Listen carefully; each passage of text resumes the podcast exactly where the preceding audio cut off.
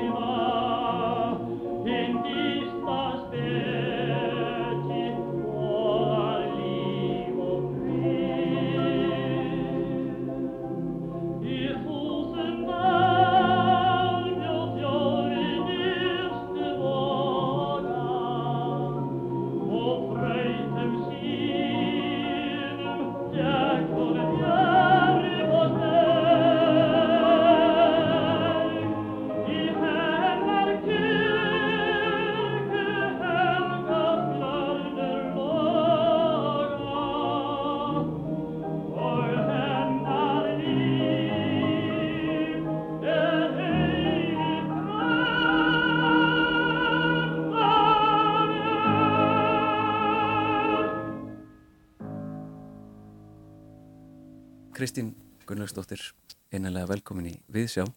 Takk. Og við byrjum hér á, á tónlist sem er skilst að komi, já, ekkur leiti úr fjölskylduðinni. Hvað já. erum við að heyra? Já, þetta var Gunnar Pálsson sem söng með Karlakóra Reykjavíkur. Um, sjá dagar koma, ára og aldi líða. Þetta er lag sem margir þekkja og ég held mikið upp á. Hann var bróðir ömmu á Akureyri og ég kynntist hún vel sem bad þó hann byggi í Flórida á koman heim og, og söng fyrir okkur og föðsýsti mín Guðrún Krististóttir spilaði undir á, á piano en ég er alveg upp í, í fjölskyldu þar sem mjög mikið var sungið og afi minn Kristi Þorstinsson var tenor líka og góðu söngvari. og öll fjölskyldan söng gríðarlega mikið og sískinni afa og ömmu hittust mikið og það var sungið og sungið og sungið. Sungin svona lög. Það hefur verið mikið líf og, og gaman í visslum, örgla. Já, og þau hittust til að syngja sem mér fannst svo fallegt. Það var stór og mikið stofa sem af og amma höfðu á Akureyri, þar sem ég fættu uppalinn. Í húsi eftir Sigvalda Tórðarsson pæliði því svona og mjög stór flíill og svona útsinni inn fjörðin og svo þetta eldra fólk. Um, sex, sjö saman þetta voru svo mörg sískinni, sátu þarna og sungu og hann stendur upp og syngu þetta lag og afisöng og ég var oft svo yfirkomin að tilfinningun sem bann að ég gæti ekki verið þarna. Ég fór bara upp á efrihæðina inn á klósett og greitt og greitt og greitt og ég bara, það var svo yfirkomin af hvað þau voru indislega og hvað það var sérstakt. Það hljómar er svo mjög gott allæti sem þú fegst þannig að sko. Já, þetta var svona einhvern veginn inn í hjarta Íslands á ákveðin hátt þar sem ég er, ekki vissum að margir uh, eru hefnir að alast uppi því þetta fólk auðvitað lést mjög, mjög uh, þegar ég var bara ung þannig fyrir mörgum árum þannig ég náði skottið á þessari menningu. Mm -hmm. Og uh, hvernig uppeldi fegstu? Já, ég fekk gott allæti og átti allskulega fóreldra. Mamma uh, var sænsk, þau eru látin bæði, Gunn Kristinsson og, og pappi var að norðan og Gunnlaugur Kristinsson. Svo átti ég tvær sýstur, einn lest þegar hún var fjárara og einn ástís býra á Akureyri, eldri en ég. Ég var mjög tengd fóreldrum mínum, sérstaklega mömmu og bý að því að hafa verið alin upp á útlending, finnst mér mér fannst það strax gefa mér vissa sérstöðu. Um, ég ákvað bara strax að það er því bara jákvægt að eiga ekki mömmu sem að væri með íslenska fjölskyldu, auðvitað sem að maður saknaði að hafa ekki kannski ennþá stærri fjölskyldu, en hún gaf mér sín á landið sem að var alveg sérstök, hún elskaði Ísland og, og bendi mér á svo margt í íslenski náttúru umfram það sem Íslendingarnir í fjölskyldinu bendu mér á. Mm. Til dæmis laði ég enga áherslu á að læra örnefni eða hvað hluti héttu fjöll og fyrðir og fannst það snemma mjög skrítið, skýr eitthvað. En um, já, ég fekk svona bæði. Ég fekk útlendingin, útlenska auga sem speiklaði íslenska þjóð, menningu og siði mm -hmm. og svo pappa sem var norrlendingur í húð og hár og fór ekki í annað kjördæmin en að taka keaskir með sér. En hún hefur svona gefið kannski einmitt annað sjónarhótt. Já. Þú hefur búið að því áfram í myndlistinni. Það hefur kannski verið ákveðin vegur inn í, inn í myndlistina eða hvað? Já, mér fannst það. Mér fannst hún oft benda á því að hún var svona heimismanneskja. Fóst nefna heimann og var hjúkunarkonni í London og efstistir í Sárunum og kynist pappi í Stokkólmi og, og hún gatt stundum benda svona aðeins blíðlega á hvað við vorum svolítið sjálfu upptekinn og, og heitluð á okkur sjálfum á Íslandi og svona svolítið kalla kúltúr í veislum og svona hvernig, þú veist, ákveðni síður og bara kurtisis vennjur sem hún, hún bendi manni á og eins bara hvað margt var stórkoslegt við Ísland sem hún bendi mig líka á. Mm. Ég bjóða því og inn í myndlistan á þann hátt að ég var strax ekki bara Ísland ég vissi að það var, ræturnar voru miklu dýpr og breyðari og lág út í alla jörðina skulum við segja. Mm. Þannig að mér varst sjálfsagt að tilheyra og kynna mér aðra, um, aðra menningu þó ég heldi mér svo alltaf við Evrópu. Mm -hmm. En uh, já, þú kemur úr um, svolítið svona tónlistafjölskytu. Mm -hmm. Hvar kveiknar þessi myndlista neisti átt eitthvað svona augnablík? Um, já, ég kem úr tónlistafjölskyldu og það sem allir voru syngjand og spilandi en ég var bara síð teiknandi sem bann. Ég held ég að við teiknað inni á, ofan á mataröfskriftinnar en að mömmu undir stólana í öllu húsinu teiknaði ég ekki endilega pappir, ég var svona út um allt. Eh, þau, þá voru allir svolítið hissa að þetta kæmi svona út hjá mér einhvern veginn. Mm. En já, ég var síteiknandi og vinnu minn í næsta húsi, Sigurður Átni, Sigurðarsson, myndlistamæður, við vorum, vorum mikla samlókur og fjölskyldunar náni vinnir. Hann var síteiknandi líka, þannig að þetta ég kannski fekk stuðning líka þar. Einmitt. Og eins besta vinkona minn í barnaskóla og fram eftir var síteiknandi og kom úr mikill í myndlistafjölskyldu. Þannig að, já, svona helst þetta.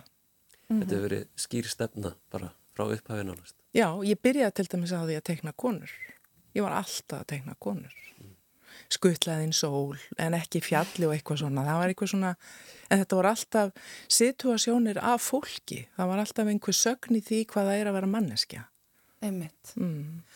Svo á einhverjum tímapunkti ákveður að fara frá Akureyri Já. og fara að læra í Reykjavík í myndlist á handíðaskólanum. Það eru verið smá breyting eða hvað? Já, já, ég byrjaði til dæmis að fara í námskeiði myndlistaskólunum á Akureyri þegar ég var 11 ára og var alltaf á námskeiðum í myndlistaskólunum þar. Og ég læriði alveg gríðarlega mikið þar. Það fekk mjög góðan grunn.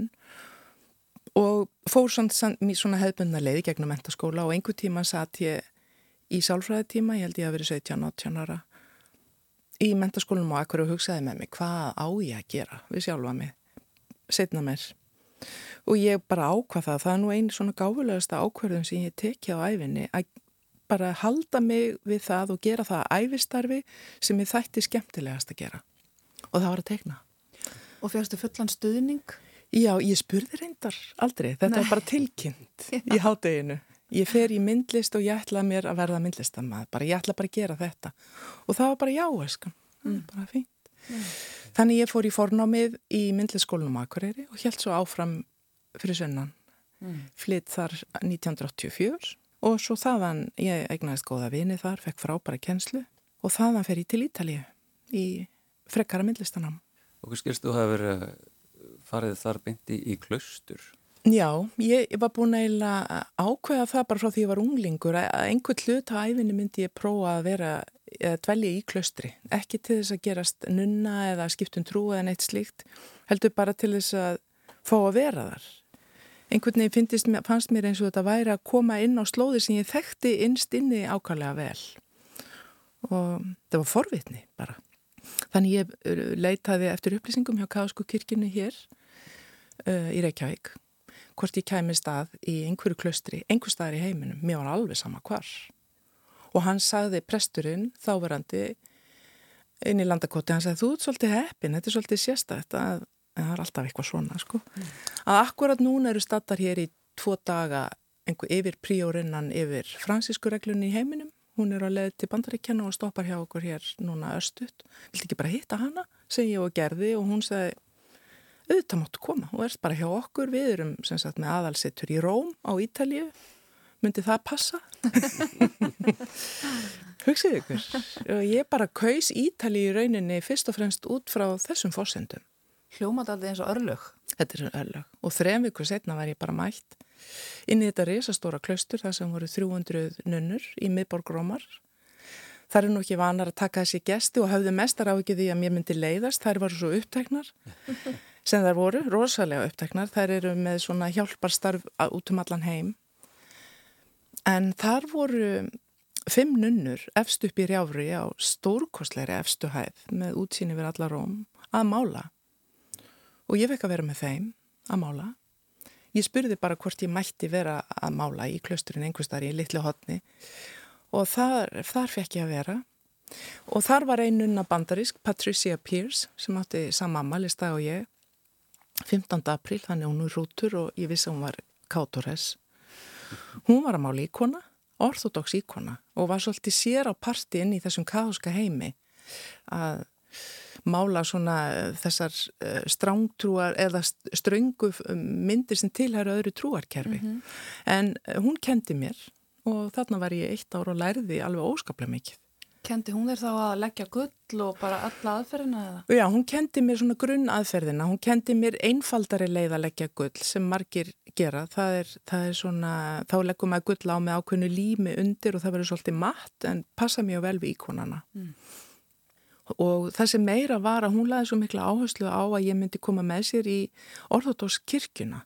Þannig að við fórum þar einu sinni viku.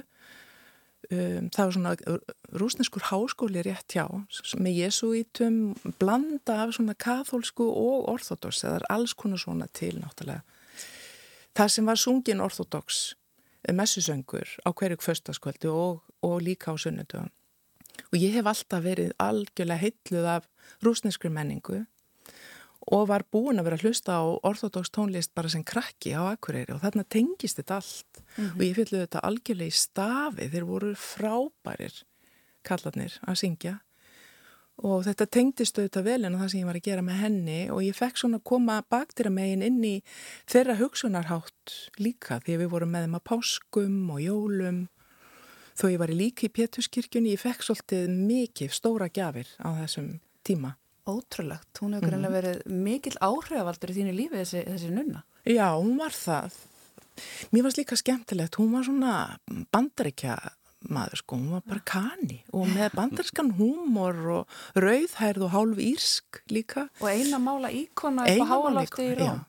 Og henni fannst æðislegt hvað ég hafði mikið náhuga á sig og við hlófum og hlófum og, og hún kendi mér svona mörg smáatriði líka og tókum þetta mjög alvarlega. Síðan voru hinanunutnar í næsta herbergi það var svona allt grænmálað þarna uppi og svona súlur uppi í loftið, þetta var mjög sérkynlegt og fallegt, fallegt rými. Þær voru að gera miniatúra fyrir pávan og þar inni voru málverk af pávanum og svona helgisögum bara í málverki. En þar, voru, þar kynist ég líka ángar eða leifum af hefð sem til er bara allt annari, annari menningu sem er bara það káski tíminn og romantíkinn og það voru mhm. náttúrulega alveg stórkoslega skemmtileg málverk en það voru nokkra nunnur þarna sem hefði málað mjög vel. Þar hefði haft málar alveg frá stopnun reglunar um 1800 og það voru nokkur verkar alveg gullfallega sko. Því líku skóli? Já. Erstu trúið? Ég hef mjög sterk að trúar þörf, já. Ég hef alltaf haft það og sé í rauninni ekki mikinn tilgang í lífinu ef að ég sjálf er það aðsta viðmiðið. Það gengur ekki upp, sko. Mm -hmm. um, ég er oft spurðað þessu og ég viðkenni alveg uh, mín gildi og ég, tel, ég er mjög sátt við að vera kristinn og að halla mér að þeir minni batna trú í rauninni en ég er líka alveg tilbúin að sleppa öllum kerfum og leita upp í kjarnan í öllum trúabröðum, allt sem saminar mannkinnið sem er svo brínt að við getum fundið núna er í rauninni myndi vera það sem ég myndi vilja halda sem minni leið. Mm -hmm. En ég bara trú líka mínum bakgrunni og sé engar hindranir og enga erfileika í því. Ég held að þetta séu allt þræður og stef sem við getum séð í myndlistinniðinni og hérna svona ræða það kannski betur aðeins hér og eftir. Ég held að það sé komin tímilega að setja á uh, lag sem að tengist því sem að þú varst hérna að ræða, við ætlum að setja mm. heila á tónlistafónin, er það ekki? Já, já.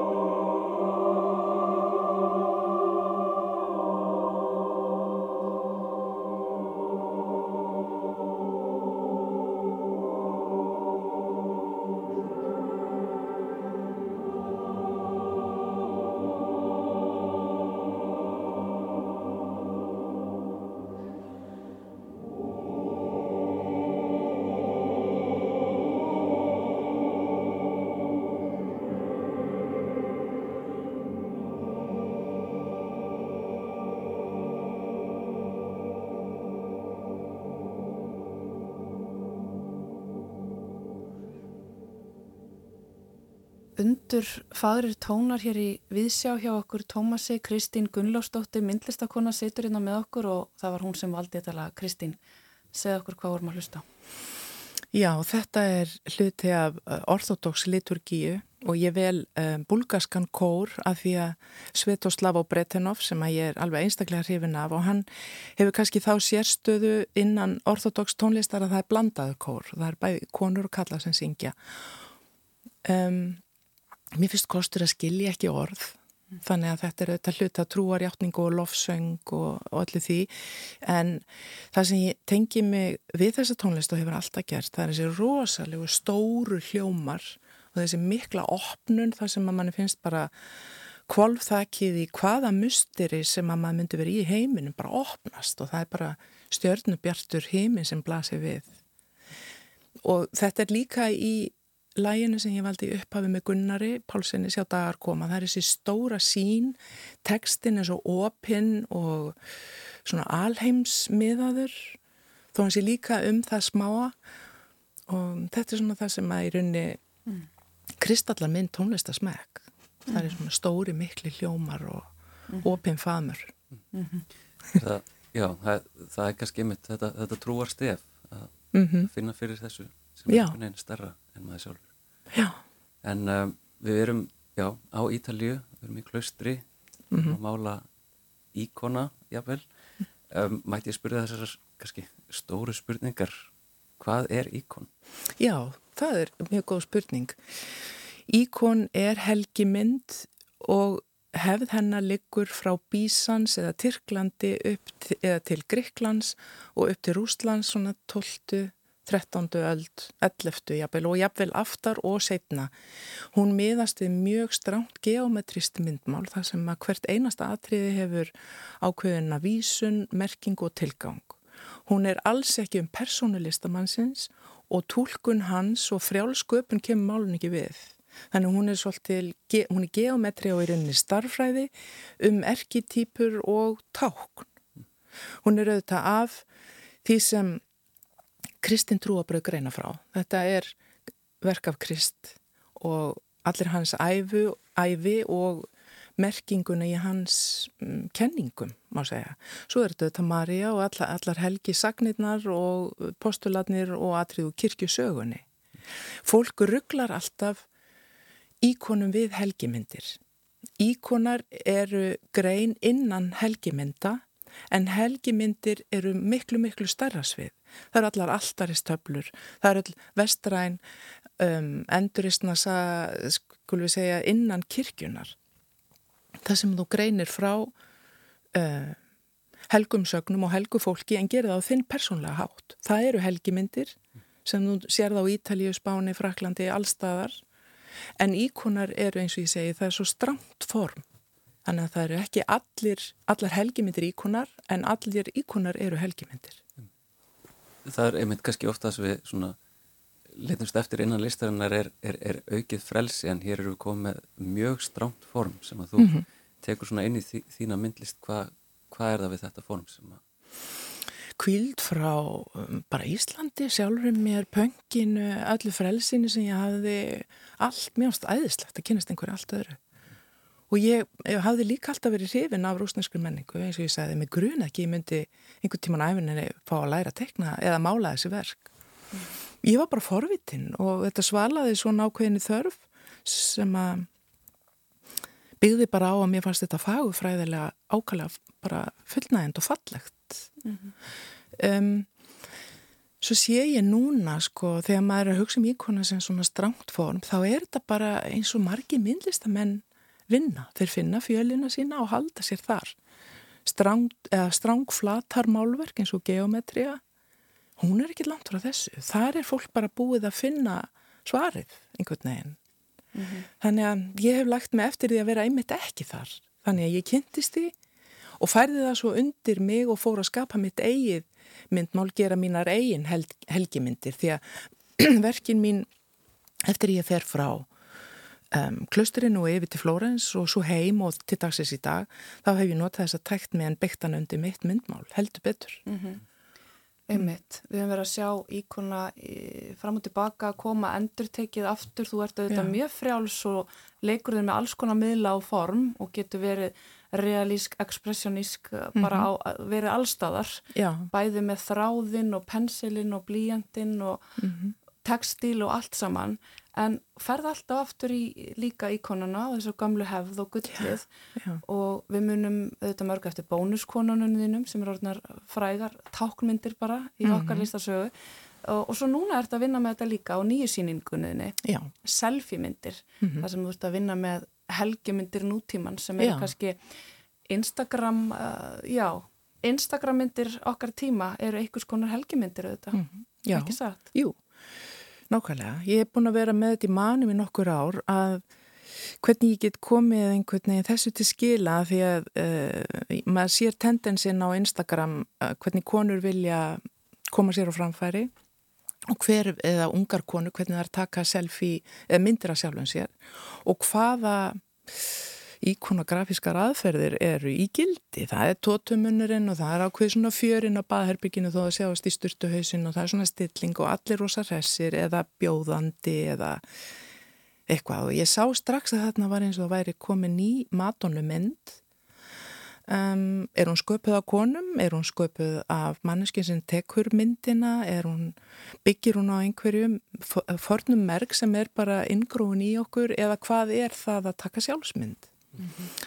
og auðvitað er þetta svo gríðarlega sjálfmiða, við erum komið þanga það má allt og maður er með stjórn á finnst manni öllum tækjum og tólum í kringu sig, hvernig ímynd ég vil hafa að mér og koma henn á framfæri að ég fann strax tenginguna við helgimyndina og sögnina í gulli af því þetta eru áhrifavaldar og, og viðmið sem við höfum í dag sem voru líka 13., 14., 15. og bara á mörgundur ár þar sem fólk jáfnvel kunni ekki að lesa vissi bara sitt sinn litla heim mm.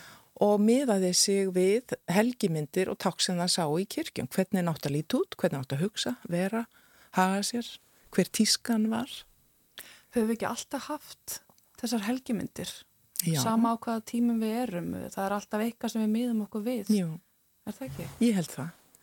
Ég held það og þetta er, það er svo mikilvægt að þú veist, fólk átti sér líka því að maður er ekki dæm eitt eða neitt og ég við ekki henni alveg ákveðin brott í verkonum en, en þetta er rauninni ég bara spekla það sem ég sé í mínu samtíma og ég líka bara velta þessu fyrir mér einmitt eins og þú hvað þetta er mm. og, og þetta er Þetta er mjög skemmtilegt viðfáðsefni því ég byrjaði kannski í ákveðnum tón að vinna þetta en svo smátt og smátt fór þetta að, að breytast og ég fór að finna að ég var að taka til einhverja svona skvísutendensa sem ég notaði í teikningu því ég var 10 og 11 ára. Þá notaði maður laungaugnahár og háhalaskó og en það kom einhver svona stelporka og gleði og kraftur með þessu sem að mér fannst svo kærkomið að finna fyrir. Þetta var ekki bara einhver endalus ádela mm. mm. Og svo komast suma stelpur inn á síninguna og, og svona finnst það geggjað unga fólki sé bara yes svona mm. er þetta mm -hmm. svona er þetta og, og, og gullið leikur ákveðin ákveðin hlutverk í þessu Jú. síningu eh, bladgullið sem hefur verið svona hluti af já, komið inn út svona í, á þínu ferli já um, mér langaði svona þess að bara spyrja svona um kannski táfræðilega uh, hvaða hlutverk það hefur gengt svona í gegnum árin og núna á síningunni? Gullið er náttúrulega sko það dýrmættasta svona, fólk leitar í það dýrmættasta sem það þekkir og gullið sem eðalmálmur hefur fyllt manninum alltaf sem eitthvað dýrst og jákvægt, tákn sólar og hins fágæta. Það fer svo yfir í myndlist og það myndast þessi tekna að geta barið það út í endalösa þinnur og leggja það á myndir sem bladgull. Þannig að þetta er 24 karöld, þetta er alveg tandurheint gull. Um, og ég lærði að að þessa tekni í Flórens í mörg ár að pússa það þannig upp og vinna með það með agatsteini þannig að það myndi um, gefa þessa speil áferð og auðvitað þetta er, þetta er glæsileg tekni uh, og tákn svona hámenningar Evrópa á miðöldum. Í ikonografínu er þetta í rauninni blessun og samþykki hins hæsta eða heimnana eða guðs. Þetta er guðle blessun og það fer yfir í myndlistina og verður líka takk borgarastjættinar stjættarinnar um bara peninga, auð og völd. En fólk skinnjar alltaf það, það, þetta þegar það sér gullið að það er að horfa á eitthvað óendanlega dýrmætt. Þetta er svona eins og að horfa í eldin þetta er ekki dólíkt, það er þessi gullna, gullna glóð. Og ég seti þetta í þetta samhengi að sem, sem brú yfir til helgimyndana þar sem við erum að dýrka okkur sjálf vendanlega mm -hmm. mm -hmm. og það er með kannski ákveðin sluti af sjálfunni er, er dýrkun og, og hún náttúrulega gengur aftur í aldir uh, og svona hvað hva finnst þér vera í þessari atöfn að dýrka? Ég hugsa að við séum komið inn á kannski þann stað að horfa á sjálfkverfuna og sjá hvað hún er að gera okkur. Ég meina um, hvernig förum við með náttúruna, náttúruna og hvert annað er akkurat það sem við erum konfronterum með eða erum að fást við í dag. Algjörlega stórum stöðum. Já, spurningin er hvað eru við að dyrka? Erum við að opimbera okkur eins og við raunverulega erum? Af því maður sér sjálfan sig skýrar þegar maður er búin að speikla sig, þá, tekur maður svolítið stundu þetta að finna út úr því. Mm. Og ég, ekki frekar en hver annar, er líka að velta því fyrir mér. En nútíma maðurinn er, hefur svo mikið að göfum og tækifærin, sérstaklega við hér, þetta er nú alls ekki allstaðar. Og við bregðumst við með að dá okkur sjálf og einstaklingin og einstaklingsfrelsið mm. sem er dýrmætt að sjálfsögða. Sko þessi dýrkun, um, ekki bara sjálfstýrkun, þú er líka fjallað um æskudýrkun og feguradýrkun í þínu verkum og, og, og þau verk og mörg þína verk að tala bara beint inn í jafnbreytisbaratuna. Hefur alltaf verið feministi? Já, algjörlega. Það bara, mér var ekki eins og niður sagt að ég vissi ekki hvað orðið feminismi var fyrir en ég var komin bara langt inn í, ég veit ekki hvaða skeið sko. að sjálfsögð er ég feministi ja, og ég er feministi á þann hátt að mér finnst ég aðbreytti bara eðlilegur náttúrkraftur, mér finnst það bara að vera hluta náttúrun og eðlileg fersk leið til að upplifa réttlæti, bara eins og barn. Þetta bara líkur hlutar hans eðli. En þetta er ekki eins sjálfsett og við höldum. Nú er ég búin að dvelja mikið ellendis, Ítalíu, Östuríki og ég meina að það eru skref aftur og pakki í afbreytisbaróttunni og, og við þurfum að halda vök okkar alveg stanslaust. Og ég tel mig óskaplega hefna að vera fætta og, og starfandi listamann á Íslandi að því ég tel mig geta gert það sem ég sínist ég bara lifi þannig, ég geri það sem ég ge vil mm. og, og get. Um, þessi viðhorgakvart svona og sjálfstrust sem að ég held að íslenska konur búið við og Íslands samfélag hafi gefið, kannski norður Evróst, það er nú bara svolítið takmarka við það svæði. Mm. Verkin mín myndi ekki vera sínd í Kína, Japan, Miðusturlöndum, Suður-Ameríku, Stórun svæðum bandaríkjana. Mm -hmm. Og meðan staðinni þannig þá held ég áfram að gera þetta bara alveg endalust. Mm -hmm. Hvernig var að vera, þú bjóst í 8 ára Ítalju á -hmm. nýjönda áratugnum, hvernig var að vera kona á Ítalju á þessum tíma? Það er náttúrulega mjög gott að vera ljósærið, ung og sætt og allt það. Maður fekk auðvitað einhverja forgjöf í því en hún dugði í kannski einhverja fimm minútur þegar raunverulega þurfti á að reyna. Það var stórkostlegt að vera bara manneskja á Ítalja á þessum tíma og fá alla ítalsku listhefðina í æð. Ég, það var grunn ástæðan fyrir því að ákveða að vera þar og halda áfram í Akademínu í Flórens. Það var kannski ekki endilega skólinn per se, var, hann var ágætur en þá voru, það var að geta dvalið í bara myndlistinni allan daginn og kynnt mér ítalska myndlistar hefð aftur á baki tíma og fram í tíman um, að vera kona, ég pældi bara ekki í því. Maður er bara sá sem maður er. Já, þú fannst ekkit fyrir þessari fræðu ítalsku kallrembu? Jú, jú, og maður bara svarar henni. Já, um. Fólk er víða eins finnst mér. Það, þetta er svona ofta á yfirborðinu um, og þetta er líka í Östurík mjög ríkt um, kallremba og kallorkan hvað þá í þessum blessuði kirkjudeildum sem ég hef verið að vinna út frá. Ég meina kathóskunni og orðodóksinu. Þetta er svo karlæg veldi, ég myndi aldrei kvarla að mér að samþykja þetta sem mitt þak yfir mínar trúar hugmyndir Mm -hmm. Ég held að þetta sé bara algjörlega eitthvað sem er búið. Mm -hmm. En ég ætla ekki að kasta kristnum gildum fyrir það. Ummitt, sko, Það er eitt sem að mér langar samt að segja við þið, ef ég má. Já, bara velkomið. Að því ég er að agnúast út í karlaveldið í káðskunni, mm -hmm. að ástæðan fyrir því að ég fyrir að gera píkur á sínum tíma er svar við þessu. Mér langaði ymmit að fara þánga næst. Okay. að því að það sem ég var svo skemmtilegt uh, hérna við píkuverkiðinn, uh, hvað voru stór og mikil og, og frábær, uh, það var svo gama þegar þau fóru inn í gráforskirkju. Mm -hmm. Að því að það má alveg líta á þessi verk sem einhvers konar helgimyndi líka. Já, algjörlega, jú. Sko, hvað er langan tíma? Já, um, ég fór til Parísar, ég, nú man ekki lengur árið, þetta er 2013, eitthvað svo leiðist, 12, já.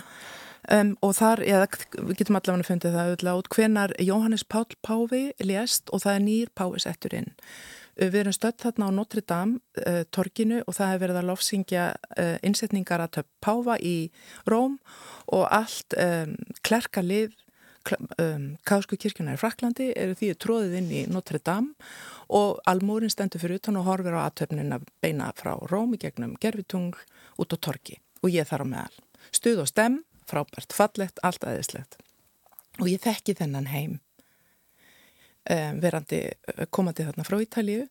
Nú, svo orna stittnar og klerkarnir koma út, fyrst koma biskuparnir í rosalega fallega svona skærrauðum kjólum og blundu kjólar neðist og kardin, já, kardinálvarnir og svo koma biskuparnir í svona ósalega fallega fjólubláu með kvítum blundum og svo eru það prestarnir og í kvítum blundukjólum og ég meina þetta þarna streyma út 3, 400, 500 kallmenn allir í kvítum blundukjólum og ég hugsaði með mig þetta er ekki í lægi þetta er bara ekki í lægi og þarna stóðu sem hæfst alls konar afhjúpanir í Káðsku kirkjunni sem við þekkjum. Mm.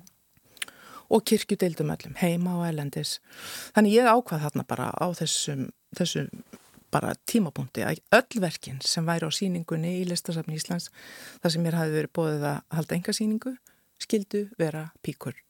Að það var ekki hægt að fara á síninguna, það var ekki eitt verk sem myndi ekki sína píku frekar en þessi glæsilega aðtöfn. Þetta er bara svo mikið þörf fyrir ansvar. Mm.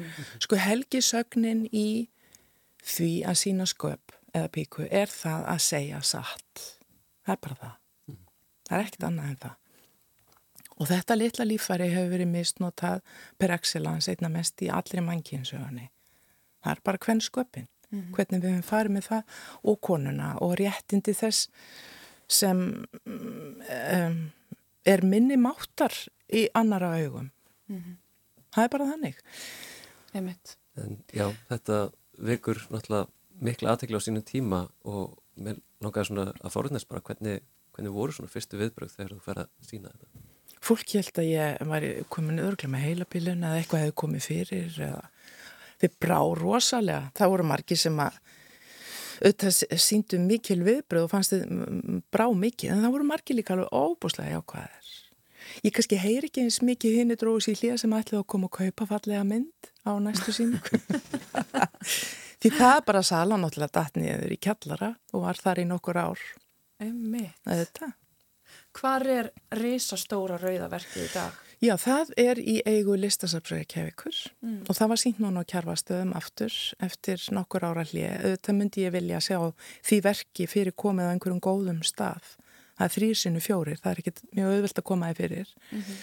Þegar ég sá það núna aftur þá fannst mér mjög á, áhugaverst að finna upplifun mín, mínar, eða upplifa hvað ég hafi sjálf breyst, hvernig ég horfi á það.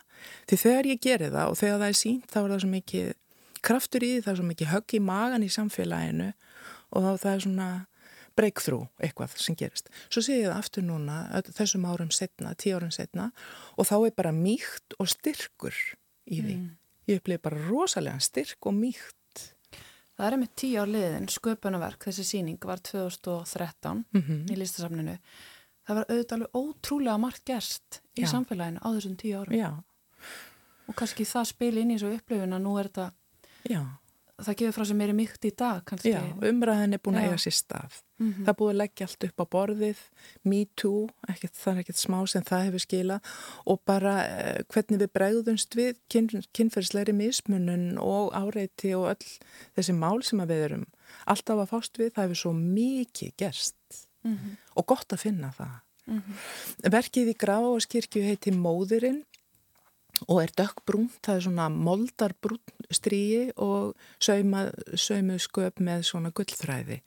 Mér finnst það að vera meira vísun í helgisögnina eða móðurina mm. vegna þess að ef þú getur ekki sagt satt við móður þína þá er tröstið, eh, grunnurinn fyrir tröstið að vera til, hann er svo brotinn og móðurinn getur verið svo marst, hún býr innra með okkur sjálfum, hún er auðvitað það sem við öllumst upp við að vera um heppin og eins er hún náttúran.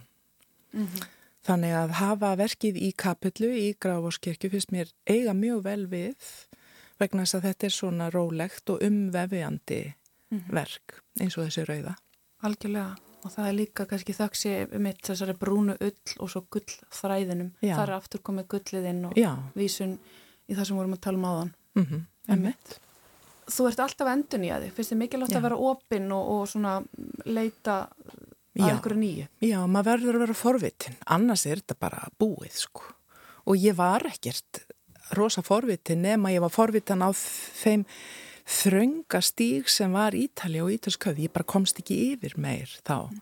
Þannig í nokkur ára eftir málaði ég bara íkuna og byrjaði að þróa og, og, og gera þetta myndmál mitt og nota gull og svo þessi stóru figuratífu málverk. Um, ég sé það núna, nú er ég búin að vera starfandi meðlistamæður í 35 ár. Ég hef aldrei gert neitt annað en að vinna í myndlist. Að, að ég er bara þannig, ég þur, hef þurft að fara þennar þessana klassísku leið, legg miklu áherslu á tekningu, læra mótilið, kunna reglurnar. Læra reglurnar aftur og baka áfram eins og þú veist, í típeskum mungaklustri, aftur og baka áfram og bara það var ekki svigurum fyrir annað. Þar til það var svigurum fyrir annað. Mm, og það eru píkuverkin sem byrja með það að ég gef sjálfur mér þetta já að ég megi gera hvað sem er. Og nú er ég að gera abstraksjónir og beinlinis eins ljót málverk. Það er mitt yfirskinn núna þegar ég er að mála þau verði eins svakalega ljót og ég ræðu við. Og það er ekki hægt að gera ljót málverk það er bara viljastyrkur en næri ekki yfir það. Maður gerir kannski fyrst ljótt þegar maður er að svíkja sig. En ég allir sé ekki einhvern veginn tel sjálfa mig vera komin á þann stað að nú er komið tími til að brjóta það reglur sem ég kann og gefa mig frelsi. Og ég veit alveg hvaða reglur ég er að beigja og sveia og brjóta og beigja undir mig. Þannig að það er gaman og það er algjört frelsi sem ég hef gefið sjálfur mér. Einmitt. Gaman og frelsi kunna að brjóta reglunar mm -hmm. er þetta ekki bara fín endir hjá okkur? Ég held að við sem komin að lokum. Já. við höfum reyndar plás fyrir lokalægið Kristín sem þú komst með. Já, já ég ákvaði svo ég myndi nú ekki alveg fara með partíi hjá hlustendum að koma með eitthvað svona alvarlegt og stórt, ok í lokin, en það er svona stórt á sinnhátt I only wanna be with you sungið á ákvæmlega fallegan og mjúkan hátt og maður þarf ekki að stökka til og skipta um rás kannski. En þetta er til, til enga í ástinni, bara í lífinu, börnunum og, og bara ástinni.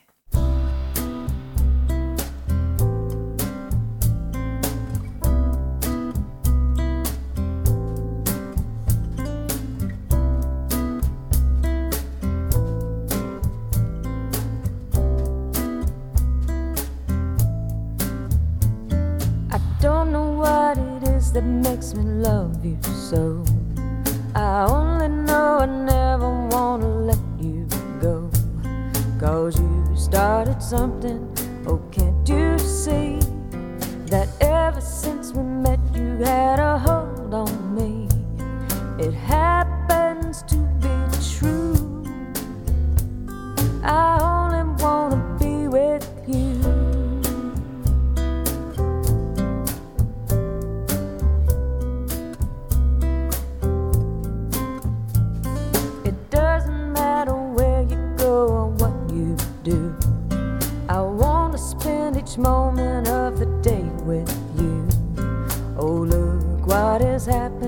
with just one kiss. I never knew that I could be in love like this. It's crazy, but it's true.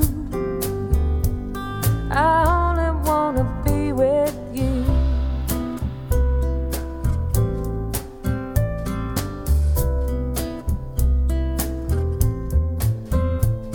Mm, you start to smile at me if I wanna dance. And I fell into your open arms when I didn't stand a chance. Now hold on, baby, I just wanna be beside you everywhere.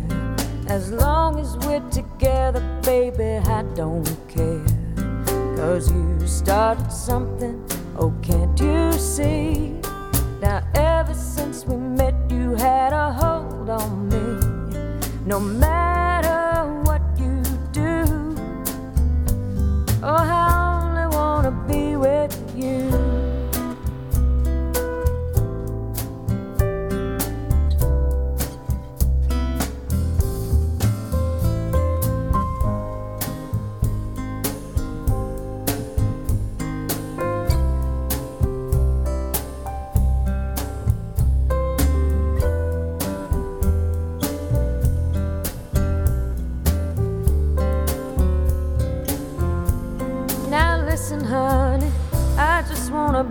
beside you everywhere.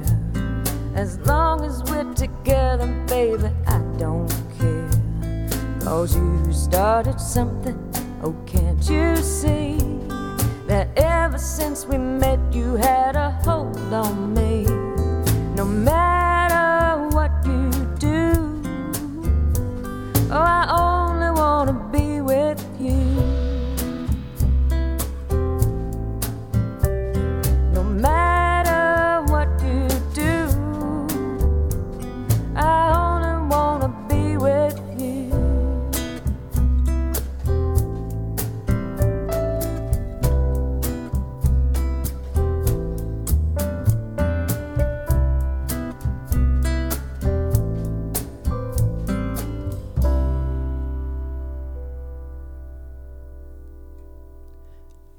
Shelby Lynn söng hér I Only Wanna Be With You.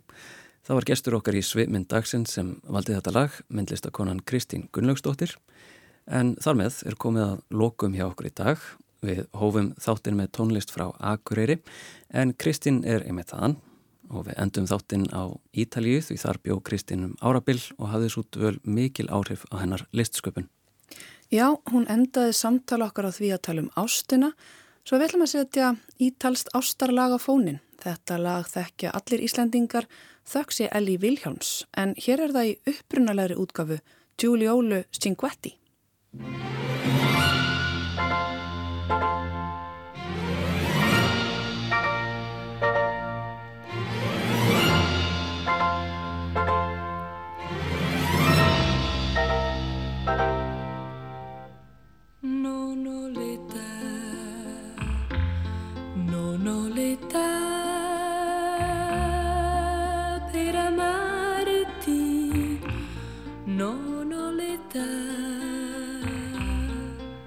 Per